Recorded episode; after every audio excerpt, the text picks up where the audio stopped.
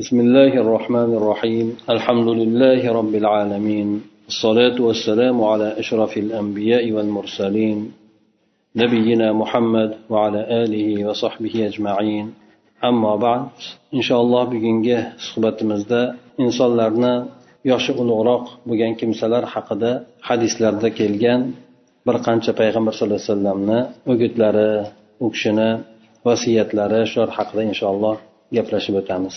Avvalo alloh taolo bu ummatni umrini avvalgi ummatlarni umrlariga qaraganda qisqaroq qilib qo'ydi. Avvalda nuh alayhissalomni davrida mana bilamiz nuh alayhissalom ming yil umr ko'rganligini keyin esa ibrohim alayhissalomni ham yuz yigirma yoshga yetgan paytlarda farzand ko'rganligini avvalda odamlarni yashash hayotlari biroz hozirgidan ko'ra uzunroq bo'lganligini bilamiz.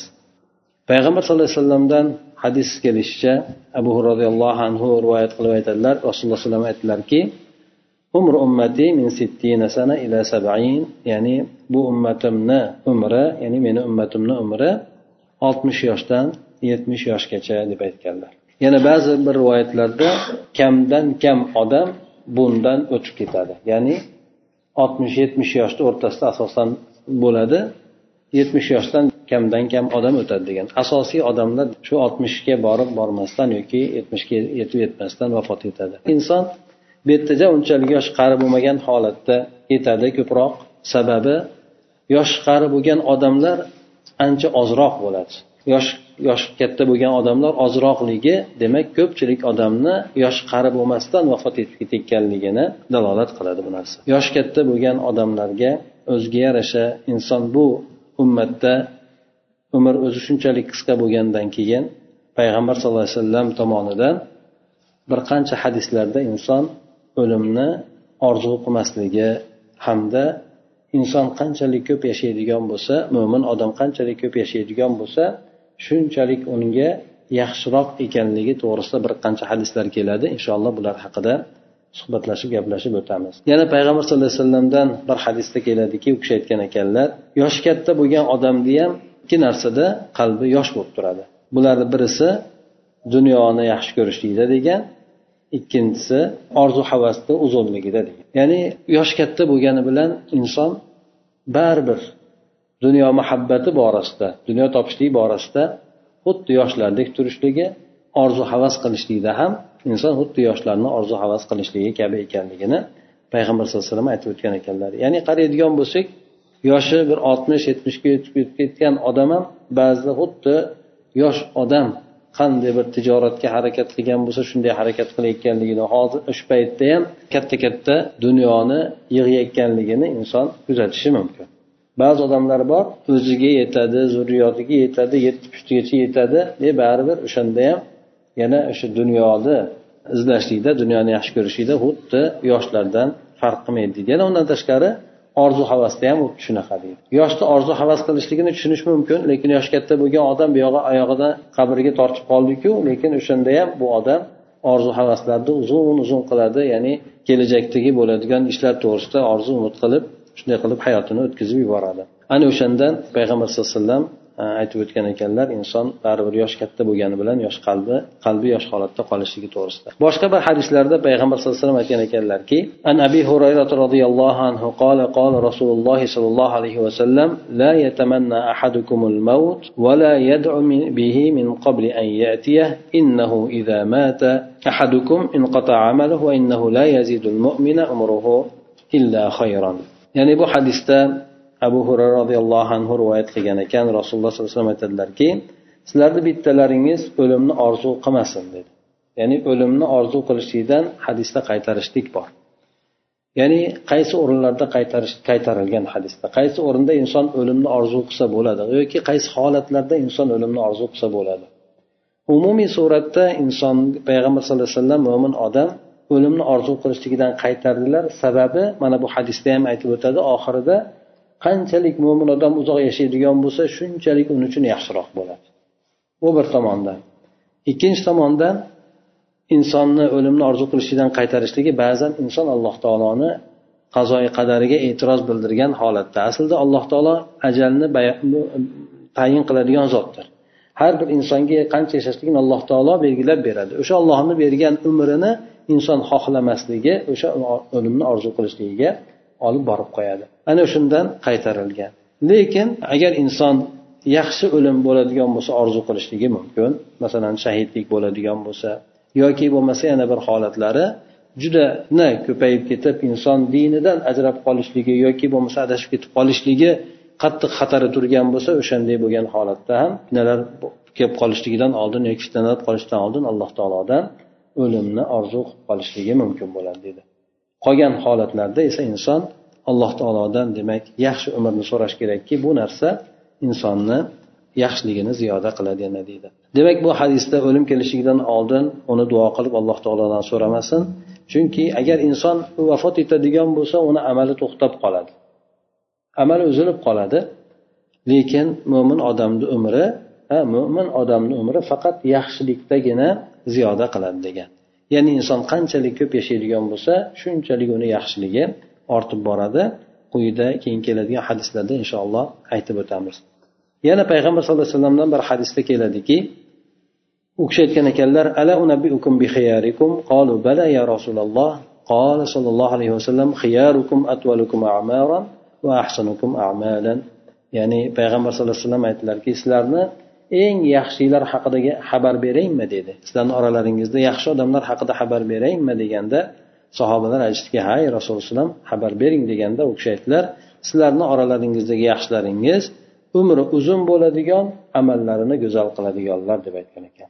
Qaysi bir inson amalni yaxshi qiladigan bo'lsa umri uzun bo'ladigan bo'lsa shu inson yaxshi insonlardan bo'ladi deb turib payg'ambar sallallohu alayhi vasallam aytgan ekanlar. Shu yerda bir misolni ham keltirib o'tiladi. Bu ham payg'ambar sallallohu alayhi vasallamni davrlarida vafot etgan ikkita sahobiy haqidagi qissa. Buni abu hurara roziyallohu anhu rivoyat qilib aytadilar. Quzoa qabilasidan bir ikkita odam bor edi deydi. Payg'ambar sallallohu alayhi vasallam bilan birga musulmon bo'lishdi. Shundan keyin ulardan birisi shahid bo'lib ketdi. Yani ikkalasi ham teng musulmon bo'lgan teng islomga kirganda birisi shahid bo'lib ketdi. Keyingisi esa bir yil keyin vafot etdi. Bir yil yashab turib vafot etdi. Shunda aytadilarki talhat ibn ubaydulloh roziyallohu anhu bu kishi ya'ni boshqa bir rivoyatda keladi payg'ambar sallallohu alayhi vasallam shu ikkita shu yangi musulmon bo'lgan odamga kim qarab turolmaydi shunga ta'lim berib boshqa qilib deganda talhat ibn ubaydulloh men qarab turaman deb u kishi ularga ba'zi nimalarni diniy ta'limlarni bergan ekan.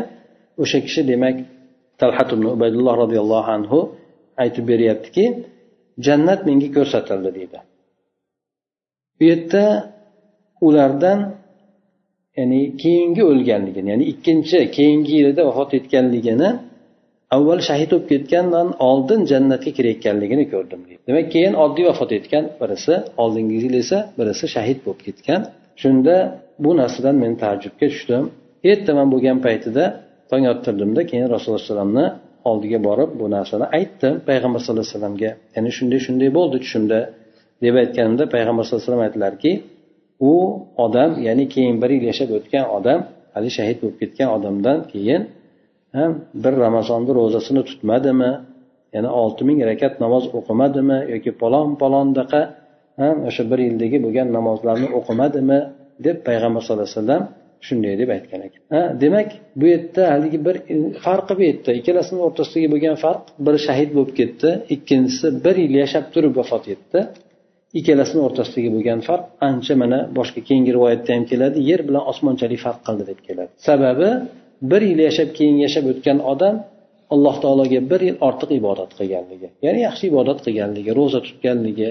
Ana undan keyin qancha qancha jamoat bilan namoz o'qiganligi har bitta jamoatdagi borib kelishligini o'ziga har qadamini o'ziga yoziladigan ajrlar bo'lsin yoki bo'lmasa aytaylik yana boshqa yaxshi amallarni qilganligi bo'lsin hammasini agar qo'shib hisoblaydigan bo'lsa judayam judayam katta ikkalasini o'rtasidagi bo'lgan farqni payg'ambar sallallohu alayhi vasallam aytib o'tgan ekanlar. Demak mana shunday inson faqatgina tezroq o'lib ketishligini yoki bo'lmasa aytaylik ko'proq yoshlarda bo'ladi shahid bo'lib ketsam bo'ldi hamma narsa yaxshi bo'ladi deydi. To'g'ri aytaylik. Shahid bo'lib ketadigan bo'lsa agar haqiqatdan to'g'ri bo'lib niyatini to'g'ri qilib to'g'ri jamoat bilan bo'lib shahid bo'lib ketadigan bo'lsa boshqa gap. Endi shahid deb e'tibor qilinadimi? Yo'qmi? Asosan niyatiga ham qaraladi tutgan yo'liga ham qaraladi. Shuning uchun inson hayotini tahlikaga solmaslik kerak. Insonni oqibati faqatgina shahid bo'lsagina zo'r bo'ladi emas. Balki ollohni yo'lida inson ibodat qilib yashab yuradigan bo'lsa u insonni darajasi undan ko'ra yuqori bo'lishligini mana bu hadisdan ham bildik. Bir yil ortiqcha yashagan odam shahid bo'lgan odamdan agar yaxshi amal qilib o'tgan bo'lsa darajasi ulug' bo'lishligi to'g'risida aytilyapti. Bir yil emas bir qancha yil yashaydigan bo'lsa haqiqatdan yaxshi amallarni qiladigan bo'lsa o'z o'zidan bu odamni amallari judayam ko'p bo'ladi. Chunki payg'ambar sallallohu alayhi vasallam aytdi mo'min odamni umri qancha uzoq yashashligi uni faqatgina yaxshilikdagina ziyoda qiladi deb aytdi. Yana undan keyin hadisda ham aytib o'tdik sizlarni eng yaxshilar umri uzun bo'lgan hamda amallari go'zal bo'lgan demak inson o'limga shoshilmaslik kerak. Insonni har bitta dinda qiladigan amallari judayam katta yuqori baholanar ekan undan tashqari yana payg'ambar sallallohu alayhi vasallam inson dinda yurib din amallarida yurib ya'ni dinga yaxshi ibodatlarni qilib yaxshi amallarni qilib yurgan odam agar islomda sochi oqaradigan bo'lsa bu odamni o'sha sochini oqarishligi qiyomat kunida nur bo'ladi insonni sochini oqarishligi ya'ni dinda sochini oqarishligi nima bilan bo'ladi? Ko'proq g'am bilan bo'ladi. Din g'ami bilan bo'ladi yoki dinda ko'p yashaganligi bilan bo'ladi sochini oqarishligi. Payg'ambar sallallohu alayhi vasallamdan yoshi katta bo'lgan odamlarga nisbatan hurmat ehtirom ko'rsatilishligi to'g'risida hadisda aytiladiki an abi musa ashariy roziyallohu anhu qol قال رسول الله صلى الله عليه وسلم إن من إجلال الله إكرام ذي الشيبة المسلم وحامل القرآن غير الغالي فيه والجافي عنه va ikromidi sultoni al muqsid debdi. Abu dovud rahimaulloh rivoyat qilgan ekan hasan darajasidagi hadis ham imom buxoriy adab al mufratda rivoyat qilib o'tgan ekan bu hadisni.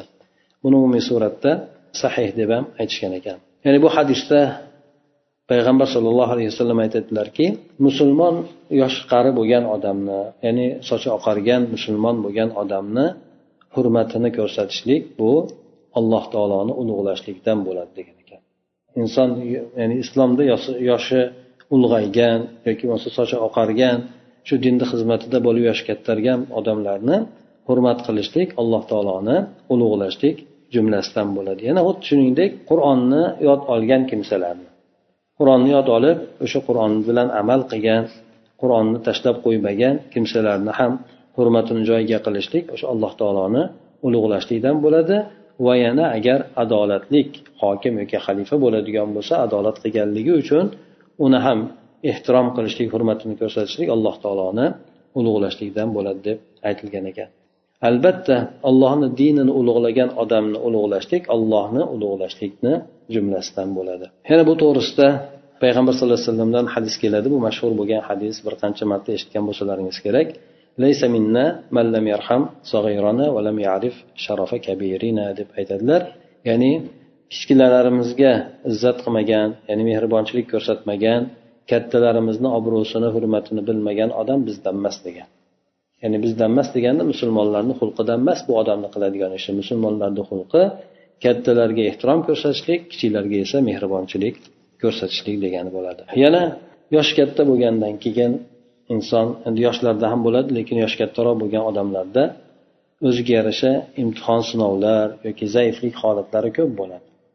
Insonni avvalgi yaralishligi alloh taolo yaratgan paytda inson zaif bo'ladi sekin sekin u quvvatga to'ladi va yana oxiri umrida esa yana inson zaiflikka qaytadi. Shunday bo'lgandan keyin insonga har xil imtihon sinovlar keladi yoshi katta bo'lgandan keyin kasalliklar bo'ladi. Shunda mana payg'ambar sallallohu alayhi vasallamdan rivoyat qilinadiki u kishidan so'ralgan ekan ey rasululloh odamlarni qaysi biri imtihon sinovda qattiqroq bo'ladi? Ya'ni ularga qattiqroq sinov keladi deganda payg'ambar sallallohu alayhi vasallam birinchi payg'ambarlarga keyin esa payg'ambarlarga o'xshaganlarga ularga o'xshaganlarga deb aytgan. Ya'ni payg'ambarlarga yo'llari yaqin bo'lgan o'shalarga ergashgan ya'ni yaqinroq ergashgan kimsalarga imtihon sinovlar qattiqroq keladi dedi. Ya'ni inson diniga qarab turib imtihon qilinadi. Agar u insonni dinida mustahkamlik bo'ladigan bo'lsa imtihon sinovi qattiqroq keladi. Agar dinida sal noziklik bo'ladigan bo'lsa sal zaiflik bo'ladigan bo'lsa bu inson o'sha dinini miqdoriga qarab turib imtihonlanadi. Bu sinovlar imtihonlar insonga doimiy suratda bo'laveradi hattoki yer yuzida hech qanaqangi gunohi yo'q bo'lgan holatda inson yuradi deydi. Bu hadisni agar e'tibor qilib qaraydigan bo'lsak payg'ambar sallallohu alayhi vasallam aytganligi imtihon bo'lishligi insonlarga tabiiy bo'lgan kasallik har xil musibatlar bo'lishligi tabiiy bo'lgan narsa. Va musulmon bo'lsin yo kofir bo'lsin. Mana bir boshqa bir hadisda ham keladi qaysi bir qavmni alloh taolo yaxshi ko'radigan bo'lsa ularga imtihon sinov berib qo'yadi ya'ni qiyinchilik berib qo'yadi. Sababi alloh taolo ba'zi mana bir hadislarda ham keladi insonni bir jannatdagi bir joyga alloh taolo uni munosib ko'rsayu inson amali bilan yetolmayotgan bo'lsa alloh taolo unga qiyinchilik yoki musibat kasallik va har xil narsa berib turib hamda unga keyin yana sabr beradida orqasidan o'sha sabr qilganligi evazidan uni darajasini alloh taolo yuqori ko'tarib turib o'sha alloh taolo unga munosib bilgan darajaga ko'tarib qo'yadi. Alloh taologa yaqin eng yaqin bo'lgan kimsalarga sinov qattiqroq kelar ekan. Sababi nimaga? Aytib o'tganimizdek inson qanchalik sinaladigan bo'lsa dini e'tiqodi iymoni mustahkamlashib boradi. Ana o'shanday bo'lgandan keyin insonda alloh taologa bog'lanishligi ham kuchliroq bo'ladi. Sinov kelgan paytida inson alloh taologa qattiqroq bog'lanadi. Kengchilik bemalolchilik bo'lgan paytidan ko'ra. Ana o'shandek payg'ambarlar birinchi o'sha allohga ya'ni yaqin bo'lganligi uchun sinovlari qattiq bo'ladi dedi. Payg'ambarlarni yo'lini yaxshiroq tutganlar mahkamroq tutgan kimsalarga ham u payg'ambarlardan keyingi darajada inson sinovlar qattiq keladi dedi. Keyin lekin alloh taoloni hikmati shu yerdaki insonni toqatidagi bo'lgan narsani insonga yuklaydi. Hattoki sinovlarda ham. Insonni diniga qarab turib iymon e'tiqodiga qarab turib holatiga qarab turib alloh taolo sinov berar ekan. Agar mustahkamroq bo'lsa sinov qattiqroq keladi dedi. Bu sinov qattiq kelishligi inson o'ylamaslik kerak albatta qamalish kerak yoki boshqa boshqa bo'lishi kerak deb yo'q sinov inson kutmagan tomonidan bo'lib o'tib ketaveradi ba'zan sinov nafaqat qiyinchilik bo'lgan narsa bilan balki kengchilik bo'lgan narsa bilan ham kelaveradi. Maqsad nima sabab nima bu narsalarni kelishligida imtihon sinovlarni bo'lishligida hadisni oxirida aytyaptiki hattoki inson yer yuzida gunohlari bo'lmagan holatda yuradi deyapti. Gunohlarni to'kilishligiga katta sabab bo'ladigan narsa imtihon sinovlarni kelishligi. Boshqa bir hadisda keladi. Bu ham mashhur bo'lgan hadislardan birisi. Payg'ambar sallallohu alayhi vasallam aytgan ekanlarki bir musulmon odamga qanaqa bir qiyinchilik yetadigan bo'lsa mashaqqat yetsa g'am yetsa qayg'u xafachilik bo'ladimi ozor bo'ladimi g'am bo'ladimi nima narsa yetadigan bo'lsa hattoki zirava yoki tikon bo'ladimi mana shu narsalarga ham agar inson shu narsalar bilan ham musibatlanadigan bo'lsa shu narsa ham yetadigan bo'lsa agar inson ya'ni sabr qiladigan bo'lsa alloh uchun bu narsalar bilan insonni gunohini alloh taolo kechirib yuboradi degan. Hattoki keladigan tikon bilan ham. Yoki qo'lni shilib oldi kesib oldi. Hatto shu narsalar ham mana yo inson oshxonada turib yoki ayollar oshxonada turib qo'lini kesib oladi. To'g'ri endi bee'tiborlik qilibdi g'aflat bo'lib qolibdi boshqa deyiladiyu lekin o'shanga sabr qilsa shu bilan ham alloh taolo insonni gunohini kechirar ekan. Gunohlariga kafforat qilar ekan. Yana undan tashqari yoshi katta bo'lgan odamlarda ko'proq xastalik bo'lishligi quvvati yetmay qolishligi ibodatlarga. Bu narsa insonlar yosh bo'lgan paytida ham bo'ladi lekin kattalarda ko'proq bo'ladi. Bularga ham bu yerda bir xursandchilik bo'lgan hadisda keladiki payg'ambar sallallohu alayhi vasallam aytgan ekanlar agar banda xasta bo'lib qoladigan bo'lsa yoshi katta bo'lgan odamlar ko'p xasta bo'ladi. Bir kun sog' bo'lsa bir hafta kasal bo'lib qoladi ba'zida. Shular yoki bo'lmasa banda safar qiladigan bo'lsa alloh taolo u bandaga o'sha muqimlik paytida sog'lom bo'lgan paytida qanaqa amallarni qilib yotgan bo'lsa yaxshi amallarni qilgan bo'lsa kasal bo'lib qilolmay qoladigan bo'lsa yoki safarda bo'lib qilolmay qoladigan bo'lsa o'sha insonga amallari to'liq suratda yozib turilar ekan. Mana bir boshqa bir hadisda shuni e, keyinroq suratida keladiki payg'ambar sallallohu alayhi vasallam aytgan ekanlar musulmonlardan birontasiga jasadida biron bir imtihon sinov yetadigan bo'lsa bir balo kasallik yetadigan bo'lsayu o'shanda alloh taolo uni saqlab yuradigan farishtalarga aytar ekan bu bandam uchun sog'lom bo'lgan paytida bemalolchilik bo'lgan paytida nima amallarni qilib yotgan bo'lsa bir kecha kunduzda o'sha amallarni hammasini bandamga yozib qo'yinglar. deb. Ya'ni sog'lomlik bo'lgan paytida inson nima amalni qilib yuradigan bo'lsa kasal bo'lib qoladigan bo'lsa ertamanda kech paytda qaysi paytda qanday amal qilishlikka odatlangan bo'lsa inson odatlangan amallarini farishtalar inson to sog'ayib yana o'sha amalga qaytgunicha yozib turadi deydi. Bu o'sha aytaylik bir kasal bola xasta bo'lgan odam ba'zan yillab yotib qoladi. Yillab o'sha qimillamasa shol bo'lib qolishi mumkin boshqa bo'lib qolishi mumkin. Lekin shu odam avvaldagi bo'lib turgan ya'ni sog'lom bo'lib turgan paytida bir yaxshi amallarni qilishlikka odatlangan bo'lsa bu odatlangan bo'lganlardan masalan aytaylik sunnat namozlarni hammasini tarqamasdan o'qiyotgan bo'lsa yoki zuho namozini o'qishlikka odatlangan bo'lsa yo palon palon kunlar ro'za tutishlikka bo'lsin yoki tahorat qilib doim yurishlik bo'lsin kasallik sababli shu narsalarda ulgurmay qoldi ya'ni eplolmay qoldi. Inson o'shanda yillar mobaynida o'tadigan bo'lsa u insonga yillar mobaynida o'sha amallar yozib turiladi. Ya'ni qanday amal qilgan bo'lsa xuddi sog'lom bo'lgan paytidagi amallarini savoblari insonga yozib turilar ekan. Shundan aytilyaptiki birontalaringiz o'limni orzu qilmanglar. Ehtimol u yaxshilik qilib yurgan odamdir. Ha ya'ni yaxshi amallarda yurgan odam bo'ladigan bo'lsa yaxshiliklari ziyoda bo'laveradi. Endi gunohlar qilayotgan bo'lsa bu inson gunohlar qilayotgan bo'lsa ehtimol alloh taoloni tavba qilib o'sha tavbasi bilan allohni rozi qiladi keyingi davrda umrida. Shuning uchun inson yaxshi bo'lsa ham orzu qilmasin yomon holatda gunohlarga kirib qolgan bo'lsa ham inson qutulishligi uchun o'limni orzu qilmasin. Unisida ham yaxshilik bor bunisida ham insonga ehtimol yaxshilik bordir. Bir hadisda keladiki payg'ambar sallallohu alayhi vasallam aytgan ekanlar qaysi bir kimsaga alloh taolo oltmish yil umr bergan bo'lsa alloh taolo uni umrida bir uzrni qoldirmabdi degan ekan. Oltmish yil umr beradigan bo'lsa yana ozgina yashasam bo'lar edi anov narsani ko'rmadim bu narsani qilmadim deyishiga hojat qoldirmagan bo'ladi degan ekan. Ya'ni oltmish yilda inson hamma narsa ko'rganini ko'rib qiladiganini qilib bo'ladi. Faqat ko'z lazzati qoladi xolos quvvati bo'lmaydi. Narsalarni ham totishlikdagi lazzati qolmaydi chunki badanidagi bo'lgan kasalliklar boshqa narsalar unga rohatni qoldirmaydi. Shuning uchun o'zi oltmish yoshga yetganligi sog' salomat yetib oladigan bo'lsa o'sha umri insonga kifoya bo'ladi o'zi. Yoshi katta bo'lgan odamlar vafot etib yaxshilikda umrlarini o'tkazib oxiratga boradigan bo'lsa jannatga kirishda qanday bo'ladi bularni qari yoshda kiradimi yoshi qari bo'lgan holatda qoladimi? Bu to'g'risida mana hadisda keladi.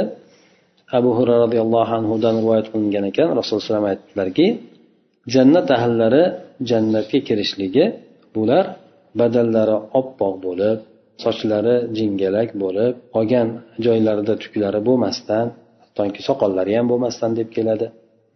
O'ttiz uch yoshdagi bo'lgan ya'ni o'ttiz uch yoshdagi bo'lgan yigitlar holatida kirishadi. Bular hammasi odam alayhissalomni yaralishlik suratida bo'ladi.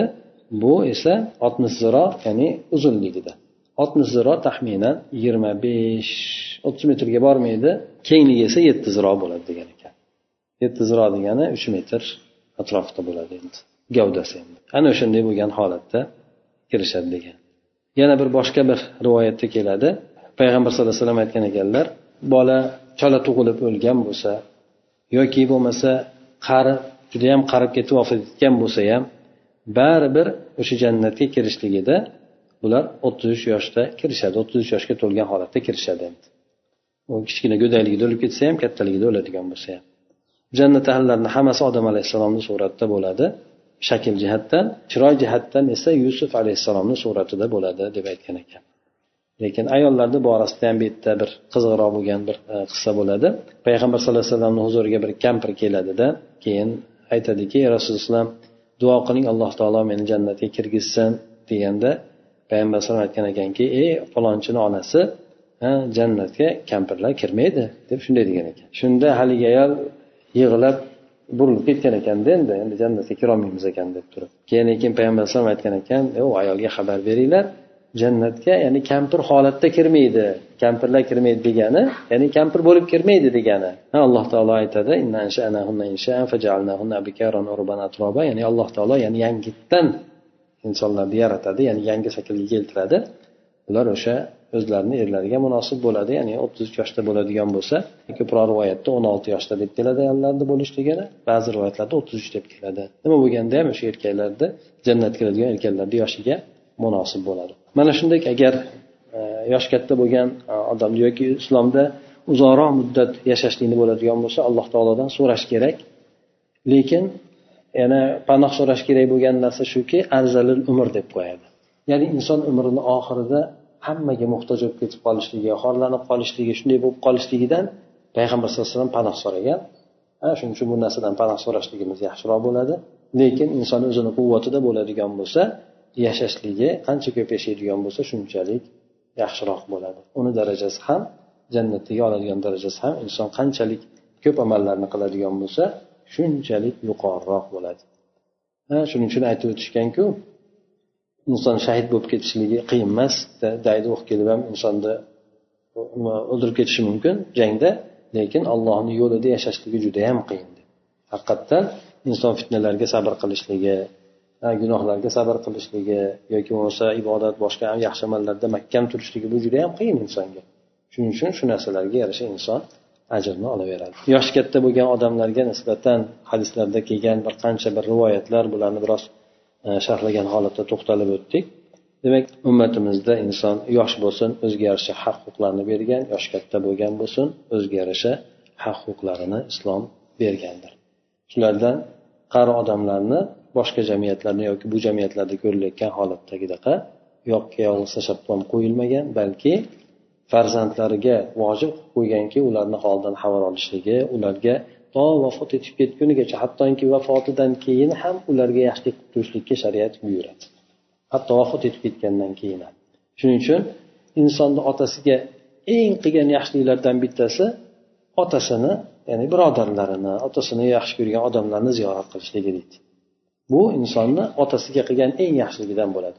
Otasini birodarlarini ziyorat qiladigan bo'lsa sababi ular ziyorat qiladigan bo'lsa eslashadi xursand bo'ladi ularni otasi haqiga duo qilishadi shunday demak inson hatto vafot etib ketgandan keyin ham yoshi katta bo'lgan odamlarga ehtiromni qoldirishlikni islom saqlab qolgan سبحانك اللهم وبحمدك نشهد أن لا إله إلا أنت نستغفرك ونتوب إليك اللهم انفعنا بما علمتنا وعلمنا ما ينفعنا وزدنا علما